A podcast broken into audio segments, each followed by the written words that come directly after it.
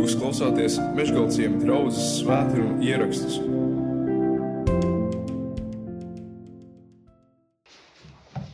...2022. gada eh, martā parādījās tāda ziņa, eh, tas bija drīz pēc eh, Ukrainā esošā kara iesākuma, ka Kijevā kāda kundze agri no rīta bija izgājusi uz balkona, laikam uzpīpēt, un, un bija ar marinētu tomātu burku notriekusi dronu.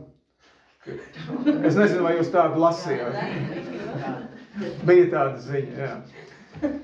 Protams, tas nebija kauna, kaujas drons, ja, kas lido ar sprākstvielām, tas bija tāds izlūku drons. Tomēr tas bija tāds īpašs notikums. Šādi stāsti, nu, varētu likties nu, kā kaut kāda fantāzija, vai, un kādreiz viņus ir jāpārbauda, vai tā nav vienkārši viltus ziņa. Ja? Eh, to visu vajag pārbaudīt, kad mēs kaut ko tādu lasām. Eh, bet, eh, bet arī Ziemassvētki īstenībā saistās ar šādiem stāstiem, neticamiem stāstiem. Piemēram, Caharija un Elizabete kas mums, ko mums atstāsta evaņģēlists Lūka, tie bija divi veci cilvēki. Un viņi visu mūžu bija dzīvojuši, un viņiem bērnu nebija. Tad vienā brīdī eņģelis parādās Caharijam un saka, tev būs bērniņš. Un tiešām tā arī notiek. Šiem vecajiem cilvēkiem, vecajiem pārim piedzimst zēns, kur nosauc par Jāni, un viņš ir vēlāk Jānis Kristītājs ievērojams un liels cilvēks. Un tas atsauc atmiņā arī no vecās darības stāstiem uh, par Ābrahāmu un par Sāru, kur Ābrahamam arī bija nu, simt gadi, ja? un, un Sāra bija droši vien kā desmit gadi jaunāka, tā var rēķināt no, no, tiem, no, no tiem stāstiem, kas Bībelē lasāmi. Bet arī viņiem bērnu nebija. Ja? Un Dievs izvēlējās tieši caur šādiem veciem cilvēkiem, kur nu, cerību vairs nav nekādu, uh, veidot jaunu tautu. To, ko mēs šodien pazīstam kā Izraelu, Izraela tautu. Ja? Vai arī eņģelis, kurš parādās Marijai, jaunai meitenei, patsmitniecei, kurai visa dzīve ir priekšā un kura eh, sapņo par savām kāzām. Ja, jo viņa ir sadarināta. Un eņģelis saka, tu būsi stāvoklī vēl pirms jūs būsiet apprecējušies. Uh, tie ir tādi stāsti, kas liekas, nu, neticami. Un, un dažreiz liekas, nu, kāpēc vispār evanģēlisti kaut ko tādu uzraksta, vai ne labāk būtu vienu otru no tiem varbūt pat noklusēt. E, šajā laikā es arī domāju par, par kādiem notikumiem, kas man liekas arī ir sava veida tādi, nu, liekas neticami.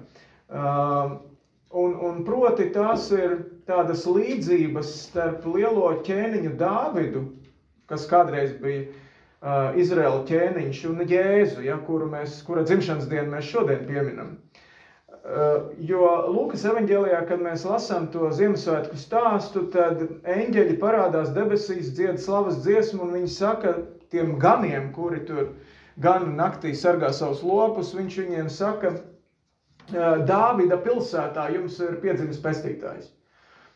Viņi nenosauc vārdā Betlēmē, ir dzimis pestītājs. Viņš ir Dāvida pilsētā.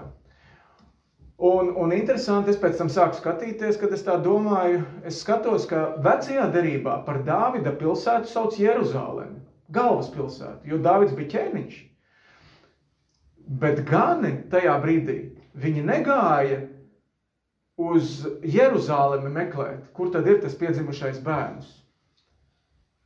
Jeruzaleme bija turpatās 8 km tālāk no Betlēmas. Nebija tāls gabals, bet viņi negāja uz Jeruzalemi. Viņi gāja uz Betlēmu. Gan izzināja, ka Betlēma ir Dāvida dzimtā pilsēta. Un tā tas tiešām ir.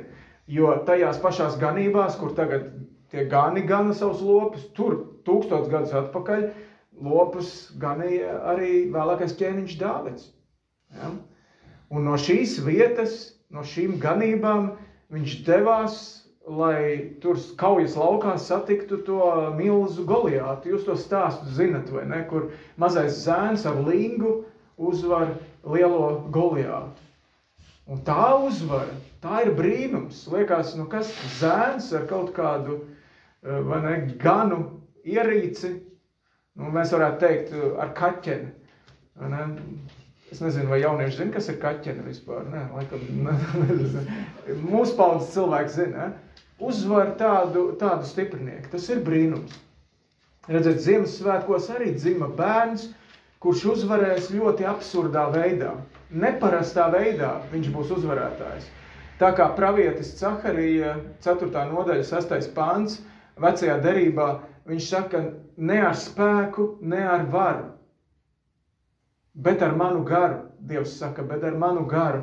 Uh, un, un Jēzus šī linga, ar ko viņš uzvara to lielo ienaidnieku, ir krusts.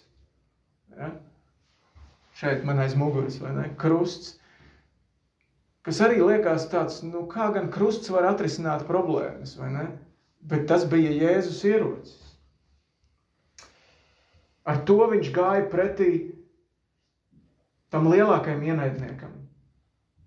Un tāpatās kā Dāvids ar lingu trāpīja Goliātam tieši pierē, tāpatās Jēzus ar krustu sadragāja galvu tam cilvēces mūžsanajam ienaidniekam čūskai. Piepildījās tas apsolījums, kas tika dots jau um, pašā Bībeles sākumā, pašas pirmās Bībeles grāmatas trešajā nodaļā, kad Dievs saka tai čūskai, viņš tev sadragās galvu tas pēctecis, kas tiks dots, tas glābējs, ja, tas tev sadragās galvu. Vēl viena līdzība, ko es domāju starp Dāvidu un Jēzu, ir tas, ka, ka Dāvids arī nokļuva tajā kaujas laukā. Ne jau tāpēc, ka viņš pats tā izdomāja, nu, lopiņi guļ, aiziešu tur paskatīties uz kara darbību, kas tur notiek. Tā tas nebija. Viņu sūtīja tēvs. Dāvida tēvs Isais pasauca savu dēlu un teica, aiznes saviem trīs vecākajiem brāļiem e, pārtiku, ēdienu. Viņš viņus sūtīja ja, aiznest pārtiku brāļiem, kuri bija iesaukti armijā un karoja. Un Ziemassvētkos arī mēs svinam to, ka Dievs sūtīja Jēzu pie mums. Bez viņa mēs būtu tikpat bezcerīgi kā tie, tie nobijušies izrēlieši, tā armija, kas stāvēja ēlas ielā un klausījās caurām dienām, kā, kā tie filistieši, tie ienaidnieki, uh, viņus apsmēja un zobo. Un, un milzis Goliāts staigā un saka, nu nāciet man tagad kāds pretī, cīnīsimies viens pret vienu. Vēl kāda līdzība varētu būt tā, ka arī tie brāļi, kuriem, pie kuriem tas jaunākais brālītis atnāk un atnes ēdienu, tie brāļi saka, nu škits projām mazais, ne, nemaisies te mums te pa kājām. Ja? Ej projām, te notiek vīru lietas, ja? Mūts puika. Arī tas, ko Svens lasīja pirms brīža no Jāņa evaņģēlija, pirmās nodaļas, 11. pantā ir teikts, viņš nāca pie savējiem, un tas jau ir par Jēzu, vai ne? Viņš nāca pie savējiem, bet ko savējie?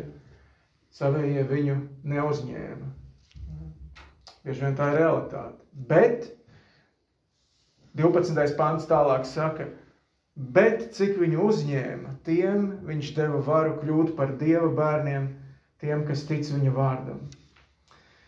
Redziet, kad Dāvids kļuva savā laikā ķēniņš, tad eh, ne visi bija tādā lielā sajūsmā. Daži bija pretī un, un, eh, un pat viņa dēli sacēlās pret viņu, vai ne, arī pat. Uh, bet, kas Dāvidam uzticējās, tie piedzīvoja un bija daļa no viņa valsts, kas izplatās un pieauga ļoti lielā spēkā. Dāvida laikā Izraela ķēniņa valsts bija tik liela kā nekad.